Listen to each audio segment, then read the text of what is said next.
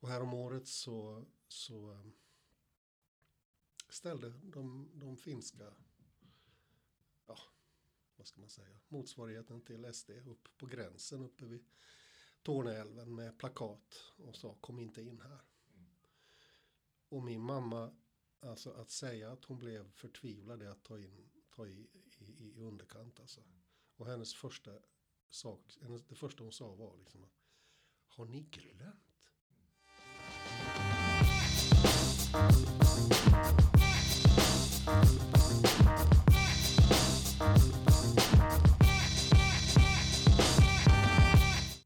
och välkomna till Inför Söndag. En podd om kyrkåret där vi brottas med, tröstas eller provoceras av söndagens texter. För dig som ska predika eller för dig som ska lyssna.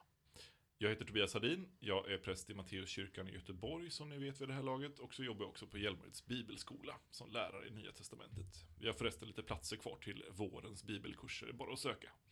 Eh, Men idag har jag ingen mindre än min eh, präst i församlingen jag är medlem i. Där vi har lyxen att både ha en pastor och en präst. Men jag sitter här med prästen Kim Bredefält.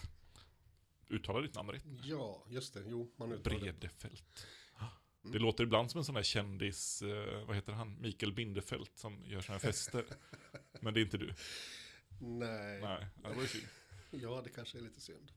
Men du, Mariakyrkan som eh, ju vi båda är medlemmar i och eh, jobbar i, eller du jobbar ju i den. Vad är det för församling? Det är ju en eh, samarbetskyrka mellan, ja som du nämner, lyxen att ha både präst och pastor mellan Svenska kyrkan och Ekumenia.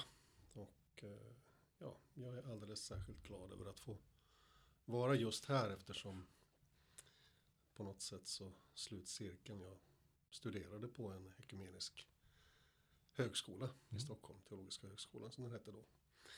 Så att jag är jätteglad och tacksam över att få vara just i Mariakyrkan och få liksom ta del av det bästa av de här två världarna som jag tycker. Då.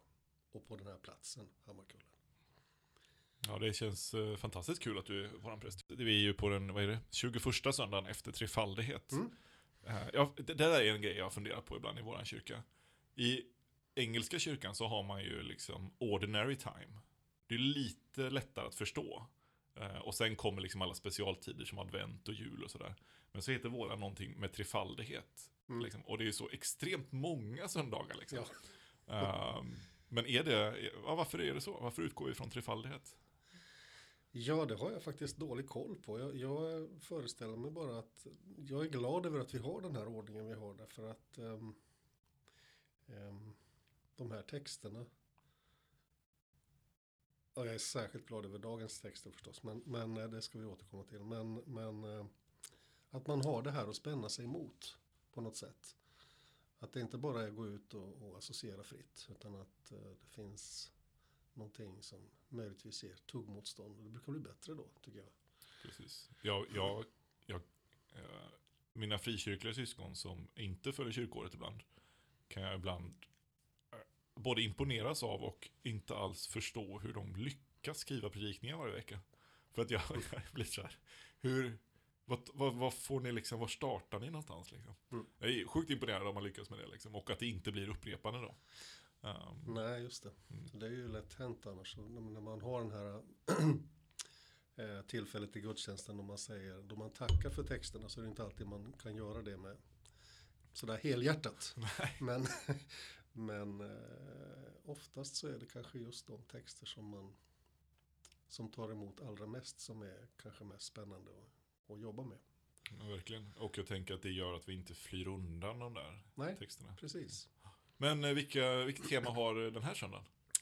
Ja, den har ju samhällsansvar. Exakt. Det är lite Eh. kul nu för det var ju alla helgona. Ja. Och så är det ju domsöndagen, eh, eller söndagen före domsöndagen nästa vecka. Och så domsöndagen. Mm. Eh, och det är ju liksom de ev evigheten i fokus på något sätt. Mm. Uh, sen kan man såklart koppla det hit och här och nu och det försöker vi göra. Men mitt uppe där så kommer helt plötsligt verkligen en sån här måndag till fredag tema. Liksom. Mm. Och det är ganska gött tycker jag att liksom få dras tillbaka ner till måndag klockan 16. Liksom. Vad samhällsansvar. Det är verkligen inte att förskjuta den tron till efterlivet. Utan vad betyder det här och nu? Oj, oj, oj. Nej, men det här är ju, alltså, det här är ju texter som, som gläder en gammal anarkist i hjärteroten. Det här är ju, det här är ju alldeles underbart. Och den, den allra första saken jag kom att tänka på det var faktiskt från eh, den gammaltestamentliga läsningen.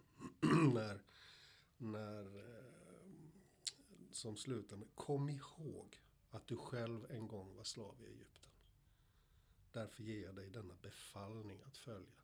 Alltså det är inte frågan om tio Guds förslag här va. Det är inte the ten suggestions. Det här är, det här är liksom befallningar. Va? Exakt. Och kom ihåg. Och det, som sagt, det, det allra första som dök upp i mitt huvud det var min mamma kom till Sverige som krigsbarn 1940. Hon var fem år gammal. Då är man inte så stor. Jag vet inte hur gammal Otto är. Men Han är fem tre år. Ja. Mm. Ja, man är liksom inte stor då. Och hon, hon kunde ingen svenska. Mm. Och här om året, hon hamnade hos en jättefin familj som, hon, som, som älskade henne och som tog hand om henne. Och så. Men man är liten, liten. Och här om året så, så ställde de, de finska, ja, vad ska man säga, motsvarigheten till SD upp på gränsen uppe vid Torneälven med plakat och sa kom inte in här. Mm. Och min mamma, alltså att säga att hon blev förtvivlad är att ta, in, ta i, i, i underkant alltså. Och hennes första sak, hennes, det första hon sa var liksom Har ni glömt? Mm. Har ni glömt hur det var? Mm. Det är hennes livstid. Mm. Och naturligtvis så är det någonting som sätter spår i mig också, detta. Det är oerhört konkret. Glöm inte. Och just detta att det, att det handlar om em, en skyldighet. Mm. Alltså en rätt, rättighet man har som människa. Mm. Att bli mottagen. Det är, ingen, det är ingen allmosa eller välgörenhet. Utan det här är någonting som alltså Gud har bestämt. Så här ska ni göra. För att få det att fungera i det här livet på den här platsen. Mm. Inte på något annat sätt. Utan så här. Mm. Eh, ja, det var det första. Sen, sen tycker jag ju nästan att, att det återkommer på, eh, ja, från olika håll i de andra texterna också. Ja, vi ska ju läsa dem lite här, lite Mm. senare här. Eh, du nämner ju att du är gammal anarkist då. Eh, och det är väl det är väl jag med, får man ju erkänna Mm. då liksom. Här, vi sitter ju här då skyldiga till detta. Ehm, och det beror helt på vad man lägger i det där ordet, men vad, vad lägger du i det ordet när du säger det? Ja, det fanns någon gammal affisch eh, som, där, där man ser eh, stövlar som trampar. men Man ser liksom bara benen och, och texten är Följ inga herrar. Mm. Eh, och jag vill då lägga till Följ inga jordiska herrar. Exakt. Eh, det där är väl ja, en början till en tanke om, om var jag kommer ifrån. Då. Precis. Eh, och det, det är eh, anti-auktoritärt och det är här och nu skulle jag vilja säga. Men också finns det ju en lång historia som jag menar går tillbaks till de här tankarna. Precis, det är inte anarkisterna som hittar på det, utan det, Det finns där och de nej, plockar precis. upp någonting. Ja, liksom. ja. Mm, mm. Så menar jag nog att det är. Och att, och att eh, jag sent i livet har kommit att hamna här. är väl mer någon sorts tecken på min egen tröghet. Men, men eh, jag får ihop det på något sätt. Mm, mm. Och jag blir glad åt de här texterna. Mm. Av det skälet. Vill man eh, läsa lite mer om kopplingar mellan kristen tro och anarkism så har jag haft äran att vara med i en antologi som heter Att hoppas på ett annat system. Mm, Om kristen tro och anarkism. Den finns på Argument förlag att beställa. just. Fick jag in det också. Ja, Gött. Ska vi börja läsa texterna som vi är här för att prata om? ja. Då är det hämtat ur femte Moseboken 24 kapitel. Eh, Mose sa, du ska inte vränga rätten för invandraren eller den faderlöse. Och en änkas kläder ska du inte ta som pant. Kom ihåg att du själv en gång var slav i Egypten och att Herren din Gud befriade dig därifrån. Därför ger jag dig denna befallning att följa. Om du glömmer en kärve när du skördar din åker ska du inte gå tillbaka och hämta den utan lämna kvar den åt invandraren, den faderlöse och änkan. Då ska Herren din Gud välsigna dig i allt du gör. När du har slagit ner dina oliver ska du inte söka igenom grenarna efter fler utan lämna det som är kvar åt invandraren, den faderlöse och änkan. När du har plockat druvorna i din vingård ska du inte göra någon efterskörd, utan lämna det som är kvar åt invandraren, den faderlöse och änkan. Kom ihåg att du själv en gång var slav i Egypten. Därför ger jag dig denna befallning att följa. Jag läser från Jakobsbrevet kapitel 2. Gör inte skillnad på människor, ni som tror på vår förhärligade Herre Jesus Kristus. Tänk om det i synagogan kommer in en man med guldringar på fingrarna och vita kläder och samtidigt en fattig man i smutsiga kläder. Om ni då bara har ögon för den finklädde och säger till honom, här är en bra plats för dig. Men till den fattige, du kan stå där borta eller sätt dig på golvet vid mina fötter. Gör ni då inte skillnad och fäller orätta domar? Och hör på, mina kära bröder och systrar.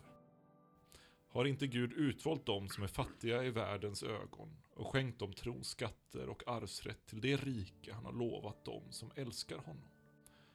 Ändå visar ni förakt för den fattige. Är det inte de rika som förtrycker er och släpar er till domstolarna? Är det inte de som smädar det härliga namn som har uttalats över er? Om ni uppfyller lagens kungsbud, det som enligt skriften lyder, du ska älska din nästa som dig själv, då gör ni rätt. Ur Lukas evangeliets 19 kapitel. Jesus kom in i Jeriko och gick genom staden. Där fanns en man som hette Sakaios och han hade hand om tullen och han var rik. Han ville gärna se vem denne Jesus var men kunde inte för folkmassan för han var liten till växten. Han sprang i förväg och klättrade upp i en sykomor för att kunna se honom eftersom han skulle gå förbi där. När Jesus kom dit såg han upp mot honom och sa Skynda dig ner Sakaios, idag ska jag gästa ditt hem. Sakaios skyndade sig ner och tog emot honom med glädje. Alla som såg det mumlade förargat. Han har tagit in hos en syndare. Men Sakaios ställde sig upp och sa till Herren Hälften av vad jag äger, Herre, ska jag ge åt de fattiga. Och, jag, om jag har, och har jag pressat ut pengar av någon ska jag betala igen det fyrdubbelt. Jesus sa till honom Idag har räddningen nått detta hus. Han är också en son till Abraham. Och Människosonen har kommit för att söka efter det som var förlorat och rädda det.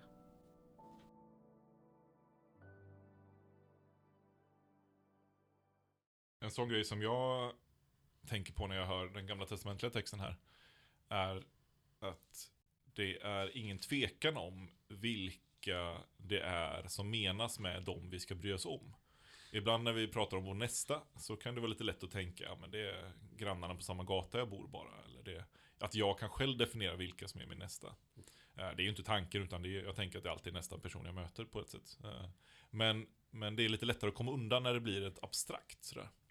Eh, och då kan man säga, nej men det är inte flyktingarna från Syrien. Det är inte dem, utan vi måste först ta hand om vår nästa här. Eller mm. något liknande som vi hör idag. Uh, men här är ingen tvekan om det, utan här, här har man liksom istället sagt, nej men vi, låt oss identifiera tre grupperingar som självklart blir en slags symboler för alla människor i behov då, men mm. som verkligen, uh, så att man inte kan komma undan.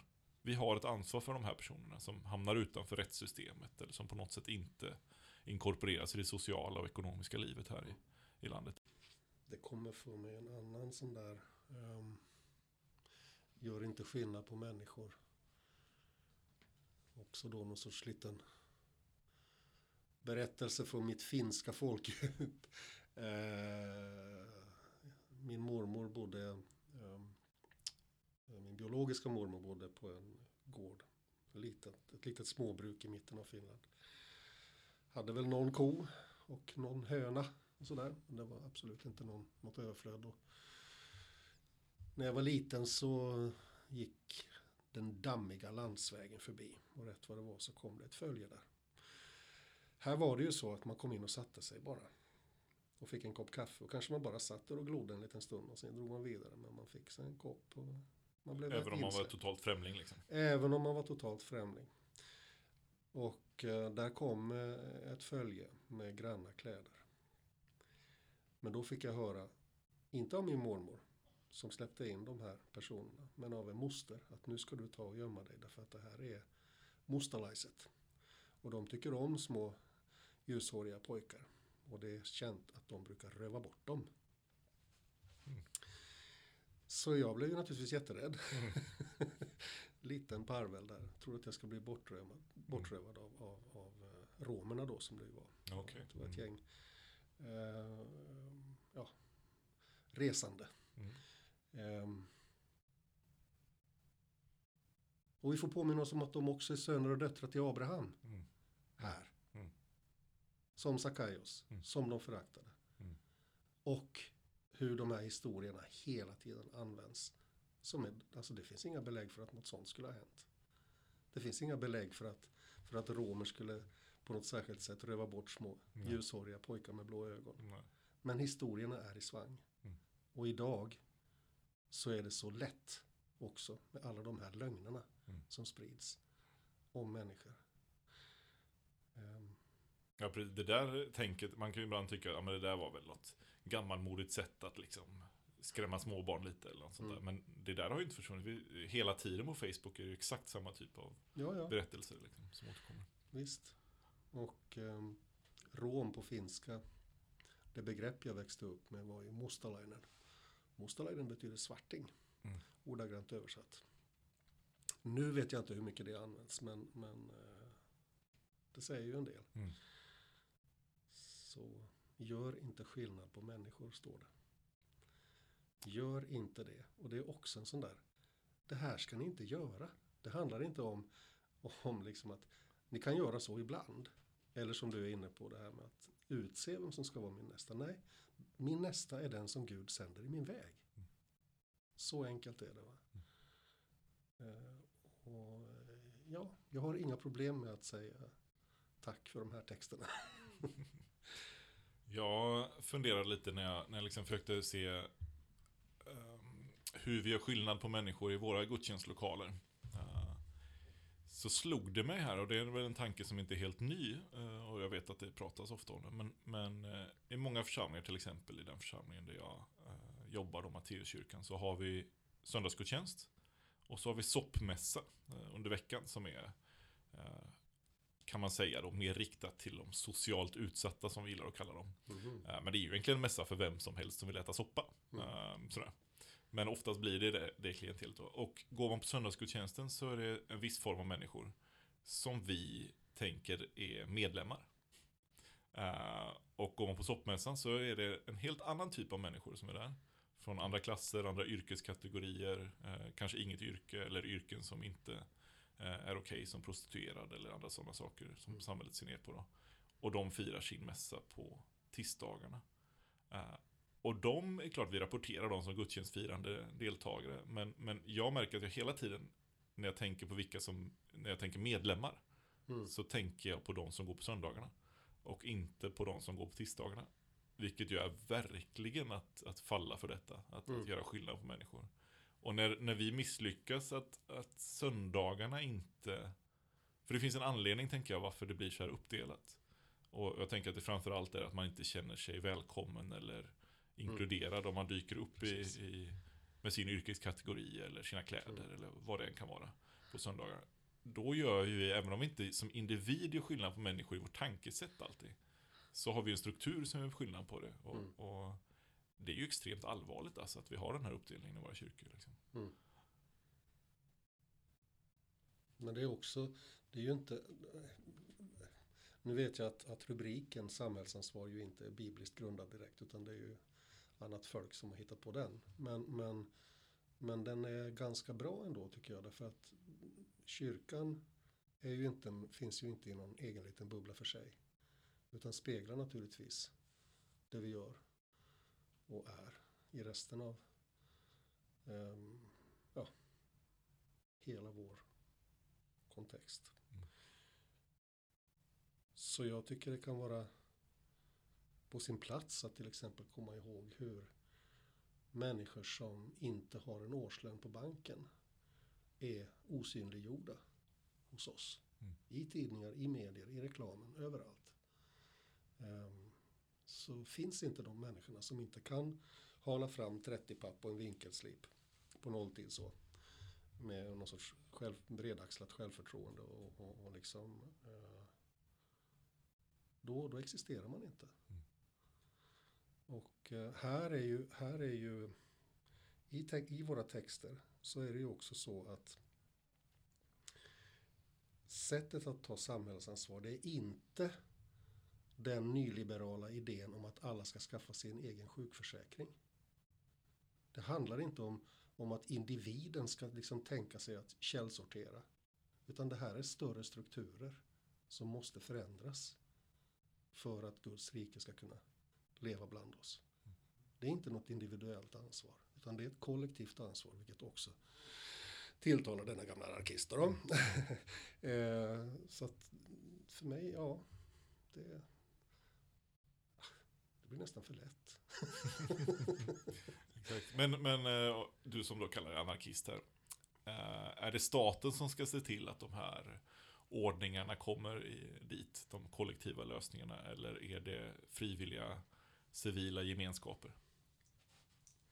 Alltså staten finns väl inte i den anarkistiska drömmen överhuvudtaget. Uh, nu tror jag att, att uh, staten som vi normalt sett tänker oss den eller talar om den, om vi nu inte är, är alltså, tokliberala galningar, va? Är, är, är någonting som, som är ändå en gemensam överenskommelse om någonting som i grunden baseras på de här tankarna. Att det är ett kollektivt ansvar, att det är något gemensamt som vi har att förvalta. Och då, då är det inte enbart av ondo. Men, men, men eh, den starka staten har ju naturligtvis också en, en, en, ja, en uppenbar baksida. Eh, som är auktoritär och som är hierarkisk och som för det finns ju alltid det där hotet om våld. Alltså, Ja. Även om, om det inte är så att polisen sparkar in min dörr och slår mig i ansiktet när jag inte har betalat skatten, i alla fall inte med en gång. Nej, Så är det ändå så att skatten bygger på att polisen har rätt att göra detta. ja just det. Och, och då blir ju min, mitt, eh, om man ska problematisera skatten då, så är ju, Mm. som jag egentligen gillar att betala, för att jag gillar att dela med mig och tycker att det är viktigt att vi gör det. Mm. Och gillar att få förmånerna som det är att betala skatt också. Ja, men precis. Eh, så är ju det egentligen eh, inte frivilligt om man föds här och blir medlem här i, i, i Sverige. Eh, och det kan jag som anarkist ibland brottas med den tanken. Alltså hur mycket eh, ska det vara frivilliga gemenskaper som man går in i? Och, men eh, å andra sidan då, om man bara säger att allting ska vara frivilligt så blir det idag väldigt ofta marknadskraften och företagen istället som tar över Mm. hur vi sluter oss samman. Mm. Så att på det sättet kanske stater ibland kan vara motvikt mot det där, men jag vet inte. Ja, det, det är svåra frågor. Det är inte alldeles enkelt, nej. Jag läste katolska kyrkans katekes om, om det här lite grann innan jag kom hit. Åh, Eh, du har förberett dig. Ja, ja, ja, visst. Det. Uh, överlag så tycker jag det är otroligt bra läsning alltså. Eh, även fast jag, jag inte är, är katolik då. Ehm, men där är det ganska spännande, för då säger de egentligen två saker i sin, sin sociala syn. Liksom. Eller syn på, på det politiska. Och nu får väl katoliker rätta mig om jag har missuppfattat här då. Men, men eh, det ena är att det finns inte ett politiskt system som vi kan säga är kristet. Utan det, det, det går inte att göra så liksom. Eh, men däremot så finns det jättemycket kristen politik. Eh, alltså det, det, den, den tvekar inte att säga om nej men, människor som människor har rätt till att få mat och vi ska vara solidariska, vi ska bla bla bla. Det räknas upp massa saker, exempel på hur en kristet samhälle ska levas ut eller hur ett Mm. kristet liv ska vara. Och att även samhällen som inte så att säga är kristna har ett ansvar att, att, att se till att medborgarna har det bra. Så att eh, katolska kyrkans katekes i alla fall vågar ta politisk ställning i flera frågor. Ehm, också om, om invandrare och, och sådana här grejer. Uh, och ibland kan jag känna när jag går till, till Svenska kyrkan eller lutherska sammanhang eh, så är det som att vi säger samma sak. Nej, men det finns inte en politik som är, eh, kan sägas vara kristen politik. Sådär. Men vi vågar samtidigt då inte säga, nu har inte vi riktigt samma tydliga dokument kanske som katekesen, men, men vi tar oftast inte så pass tydlig ställning för en viss riktning i politik, utan vi lämnar det lite fritt. Nej, men det är upp till varje medlem att, att utifrån sitt samvete uh, välja sin politiska, sitt politiska engagemang i något parti eller vad det nu blir. Liksom. Um, och, och där kan jag ibland undra om vi inte lämnar lite för fritt spel, spelrum. Uh, Och det är väl lite det som, det, det var en debatt här nyss i, eh, mellan Sveriges kristna råd och Jim Åkesson och eh, Ebba Busch Thor här. Eh, Mm. när, när Sveriges kristna råd sa, kritiserade eh, och svensk flyktingpolitik och, och sa liksom att kom ihåg det här, jag måste värna asyl, jag måste värna flyktingarnas rätt. Eh, och då gick ju eh, Jimmy ut i alla fall och sa, nej men ni ska inte lägga i statens angelägenheter eller det politiska då. Eh, och där vågade ju Sveriges kristna råd ändå säga någonting väldigt tydligt. Um, och det är jag väldigt glad för såklart. Men ehm, det finns en, en spänning däremellan tänker jag. Alltså att, att kyrkan måste, tänker jag, våga säga att vissa saker innebär att du som kristen inte kan gå med på vilken politik som helst. Alltså det finns vissa saker som, som gör det omöjligt att, att säga ja till vissa politiska lösningar. Eh, och vi har vissa grejer som bärare av, av den här gemenskapen som vi ska leva ut oavsett vilket politiskt system vi lever i. Eh, och det är väl där min anarkism kommer in lite då, att, att kyrkan ska se likadan ut oavsett om vi lever, alltså vi ska leva på samma sätt. Oavsett om vi lever i en, en svensk demokrati eller i Sovjetunionen eller i Kina eller USA så ska kyrkan egentligen bäras av samma typ av, av liv och socialt ansvar för sina, sina medmänniskor. Uh, och sen ibland då så ser vi att det går hand i hand med samhället. Vi kan samarbeta jättemycket. Uh, men ibland krockar vi. Och där säger också uh, katolska kyrkans katekes uh, rakt ut, det tyckte jag var kul. Det, det blev ganska anarkistisk. Okej. Vilket är spännande. Uh, då säger man så här. uh, I uh, artikel 2 här, att delta i samhällslivet under rubriken auktoritet. Uh, Mm. Och så är det lilla stycket 1903 här för alla er som verkligen vill kolla upp. Det här är fantastiskt. Myndigheten kan bara utöva sin auktoritet på legitimt sätt om den söker vederbörande grupps allmänna bästa. Och om den för att uppnå detta använder medel som är moraliskt tillåtna. Om de styrande hittar på att utfärda orättfärdiga lagar eller vidta åtgärder som strider mot den moraliska ordningen kan sådana anordningar inte förplikta någon i hans, i hans samvete. I ett sådant fall upphör myndigheten att kunna utöva auktoritet och förfaller till förtryck. Här säger man ju egentligen att vi ska bara följa statens lagar så länge de inte går emot Guds lagar. Mm. Och det är ju extremt anarkistiskt. Ja, jag hör ju, eh, är klart, jag, jag gjorde ju delar av min utbildning i Sydafrika. Och hör ju här hur, hur de här orden ekar från en helt annan kyrklig tradition, nämligen den reformerta. Alltså när Desmond Tutu säger ungefär precis det. Precis. Eh, om man också läser in sig lite grann på Allen Bosak som ju sedan har hamnat i någon sorts vanrykte tyvärr. Men han har skrivit en del vettiga saker om detta bland annat. Jag tycker det kan vara ganska, ganska eh, eh, jag menar det är en försåtlig idé att, att tänka sig att det skulle kunna finnas man kan ju inte rösta på Jesus. Alltså, och vill vi ha en teokrati? Ja. Men alltså att låta de här tankarna genomsyra det vi tänker och gör. Eh, alltså för mig är det väl alldeles nödvändigt.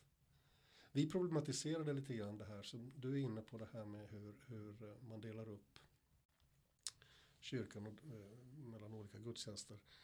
Vi hade någon gång i någon kvällsmässa här eh, funderingar kring just detta med ja nu ska vi be för dem. Alltså vi, Mm. och det är också någonting som kommer fram ganska tydligt i den här gammaltestamentliga texten. Mm. Vi är de besuttna. Mm. Och de är de som har det dåligt.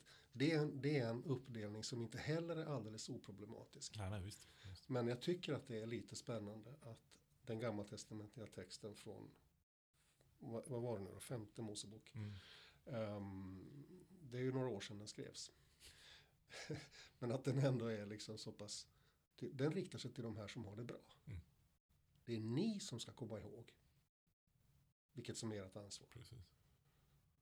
Det är inte så att det är liksom ehm, Jag tycker det är väldigt spännande just om vi, om vi går tillbaka till den, eh, den Tora-texten liksom. Och, och om man läser andra ekonomiska texter i, i Toran. ehm, det finns ju mycket olika tankar där, men, men i grunden så är det ett extremt spännande ekonomiskt system. Alltså man skulle ju nästan kunna, eh, vissa slänger ut sig med det här ordet manna-ekonomi. Eh, och det finns, alltså just att det bygger på principen att var och en ska samla så att den har nog. Och samlar den mer så ska den, får den inte mer ändå till slut. Utan Ja, ja. man får vad det man behöver. Mm. Eh, nu minns jag inte vem som har myntat uttrycket, men på engelska funkar det bättre än på svenska. Eh, There's not enough for everyone's greed, but there's enough for everyone's need. Eh, Mm. Och det är ett ekonomiskt system som i, i Toronto bygger inte på att vi har ändliga resurser egentligen i den meningen att, att vi måste konkurrera. Utan Nej. snarare att det finns tillräckligt för alla till behoven, till Mm, grundläggande. Men sen måste vi också leva ett liv där vi är nöjda med det. Och så har man några principer då som hjälper till att när, när man ändå börjar få mer och mer. Eh, så i, i Toronto så finns det vissa principer, till exempel det här vi läser om idag, att man ska inte vara så noga med sin ekonomi. Alltså råkar, det, råkar man spilla lite, man ska inte maximera vinsten hela tiden. Så att Nej, säga. Utan när jag plöjer mitt fält så, så låter jag vissa saker finnas kvar så att folk kan äta. Mm. Eh, invandraren, änkan, bla bla. Eh, när jag producerar de här grejerna så låter jag vissa saker. Och det kan jag fundera på, vad skulle motsvarande grej vara idag? Alltså jag som lönearbetar. Vad är att liksom låta det av skörden som jag inte, jag går inte tillbaka och liksom kollar om jag fick med mig allting nu. Utan vad, vad, vad är liksom, hur skulle jag kunna praktisera den här principen? Oj, det är en jättebra fråga. Jag- fick ju det där lilla citatet. Och jag undrar vart han fick det ifrån, Prodon. Av var och en efter förmåga, åt var och en efter behov. Det är också en, en, en hyfsat, en devis man skulle vilja rösta på. men, men, men, ja, hur skulle man... Jag tänker ju ändå att det i, i alla lägen på något vis handlar om delande. Och att, och att eh, hela tiden påminna sig om det kollektiva snarare än det individuella. Jag förstår att det nu är så att man kan köpa sig förbi vårdkön på våra offentliga sjukhus. Mm. Vilket ju är en skandal. Eh, men, men, men liksom att, att i alla lägen påminna sig om detta är ju i alla fall en början. Ehm, sen vad man konkret kan, ja du. det, har, du, grej har du som- själv någon idé om det? Nej, nej, det är egentligen inte. Men, men en sak som jag ibland kan tänka. Jag, jag hade en... Jag gillar att göra olika träningar för mig själv. Så när, jag, när jag blir utmanad så känner jag att jag vill, jag vill inte bara gå omkring och tänka på att jag borde göra någonting. Utan då testar jag hellre någonting och så får det bli lite halvhjärtat eller Mm. halvbra genomtänkt eh, experiment. Då. Men jag hade ett experiment ett, ett år. Att jag skulle säga ja till alla som kom fram till mig på gatan och eh, ville värva mig till sådana här välgörenhetsorganisationer. Vet du. Mhm. Eh, Så jag sa ja till varenda en som, in, som nu kollade jag så att de ändå var okej liksom. Ja, ja. Men, men alla som ändå var okej sa jag ja till. Det blev ju ett gäng på ett år kan man säga. Uh, I alla fall i Göteborg då när man rör sig. Eh, det hade två, eh, två effekter. Det ena är att jag märkte, eftersom det blev ganska successivt, så märk, och det blev på autogiro då, så märkte jag inte varje månad när pengarna drogs. För jag, så jag saknade aldrig pengarna direkt. Nej. Och det andra var att jag slapp ju prata med de här hela tiden. För de kom ju och så sa, nej men jag är redan med. Jätte, alltså jag köpte Oj, mig fri ja, från ja. det där liksom. Så himla gött. Ehm, men, men skillnaden på det då och den här ekonomiska idén är ju att där kan jag behålla distansen. Mm. Ehm, genom att låta min skörd eh, finnas kvar lite av, då, då kommer jag nog möta de människorna som kommer dit och samlar. Mm. Eh, jag delar vardagen lite närmare dem. Liksom. Mm. Och det brukar jag tänka att kyrkans eh, syn på delande av ekonomi är inte välgörenhet. Alltså att de rika ger bort lite av sitt överflöd till de fattiga. Eh, jag brukar säga att det är skillnad på att dela brödet och att ge bort brödet. Mm. Eh, och kyrkan delar brödet med den som är hungrig. Eh, eller vi delar brödet, den hungrige och den rike tillsammans. Mm. Och det är något helt annat än att jag ger bort lite bröd till den hungrige och sen går och sätter mig där jag har satt innan. Um, och det där försöker jag ändå... Ja men den principen försöker jag så här, komma ihåg. Eh, jag har en, en, en, jag kan bikta mig här nu lite då, eh, offentligt. Jag skulle åka upp till Stockholm och uh, snacka om Jakobsbrevet och ekonomi i en kyrka. Som vi också läste idag då, Okej. bland annat den här texten. Och så hade jag precis skrivit det där, nej men det är skillnad på att, att dela brödet och att ge bort lite av brödet. Mm. Så här, och vi är kallade att dela våra bröd med den hungrige. Och så sitter jag på centralstationen, har varit på Subway och köpt en sån här lång macka, du vet, en sån dubbel. Just. Ehm, och eh, när jag sitter där med den här mackan och jag var egentligen inte hungrig. eh, Utan jag köpte den här och tänkte, men jag kommer nog bli hungrig på tåget. Mm. Så kommer det ju eh, fram en person som tigger då. Eh, och så frågar han inte efter några pengar, utan han frågar bara, kan jag få en bit macka liksom? Mm. Och bara, nej. nej. Och så frågar han, men jag kan bara ta en vi kan ju dela liksom. Och bara, nej, nej, men jag vill inte det liksom. Och så skickar jag bort honom. Mm. Och så bara, har precis, jag har precis suttit och skrivit, kyrkan ska dela sitt bröd med den hungrige. Mm. Och vad gör jag? Ja, jag skickar bort den hungrige så fort, alltså. Det är sån skillnad på att veta vad som är rätt och ha de här moraliska principerna i huvudet. Och att de faktiskt liksom sätter sig i mitt handlande liksom. Innan tuppen gal ska du ha förnekat mig tre gånger. Exakt. Exakt. Där var jag verkligen Petrus i den situationen. Ja. Liksom. Så det, det slutade med att när jag kom till Stockholm så var det, det här var det första jag var tvungen att berätta. Jag kunde ju inte, Nej. kunde inte med heden i behåll säga någonting annat. Liksom. Ehm, Det är väldigt lätt att, att eh, identifiera sig med Petrus. Han är nog den av lärjungarna som jag på något vis tycker bäst om. Han hade väl någon sorts diagnos också, den killen. Men det där är så bekant. Har du något eh, mer du vill dela med dig av innan vi avslutar här idag? Oj jösses, ja nej. det vet jag inte. Eh, men men eh, ja, det är ju bara den här bilden av, av eh, Sakaios i trädet. Den är ju vansinnigt komisk dessutom. Och man förstår ju vad det är som händer. Han klättrar upp där i trädet. Och Jesus kommer gående och det är en folkmassa. När Jesus tittar upp, ja men det är väl klart att då tittar ju alla andra. Så plötsligt är han som var, trodde han var osynlig, jättesynlig. För hela världen. Och där, säger Jesus, idag ska jag gästa ditt hus. Amen. Amen. Tack för att du var med eh, Kim. Tack. Vi eh, ses på söndag. Eh, ska bli spännande att höra dig predika. Är det du som predikar på söndag? Ja. Yes. Får vi se om det här kunde hjälpa dig då. Det är ju inte nu på söndag i och för sig. Det är ju om några veckor. Ja, just det men ändå. Eh, och tack för att ni har eh, lyssnat. Eh, jag skulle bli jätteglad om ni kan skriva någonting om podden på er Facebook eller Instagram eller vad ni nu använder för social media så att jag kan sprida sig ännu fler öron. Jag har liksom inga andra, andra sätt att nå ut på. Ha det så bra, ta hand om det, hej då.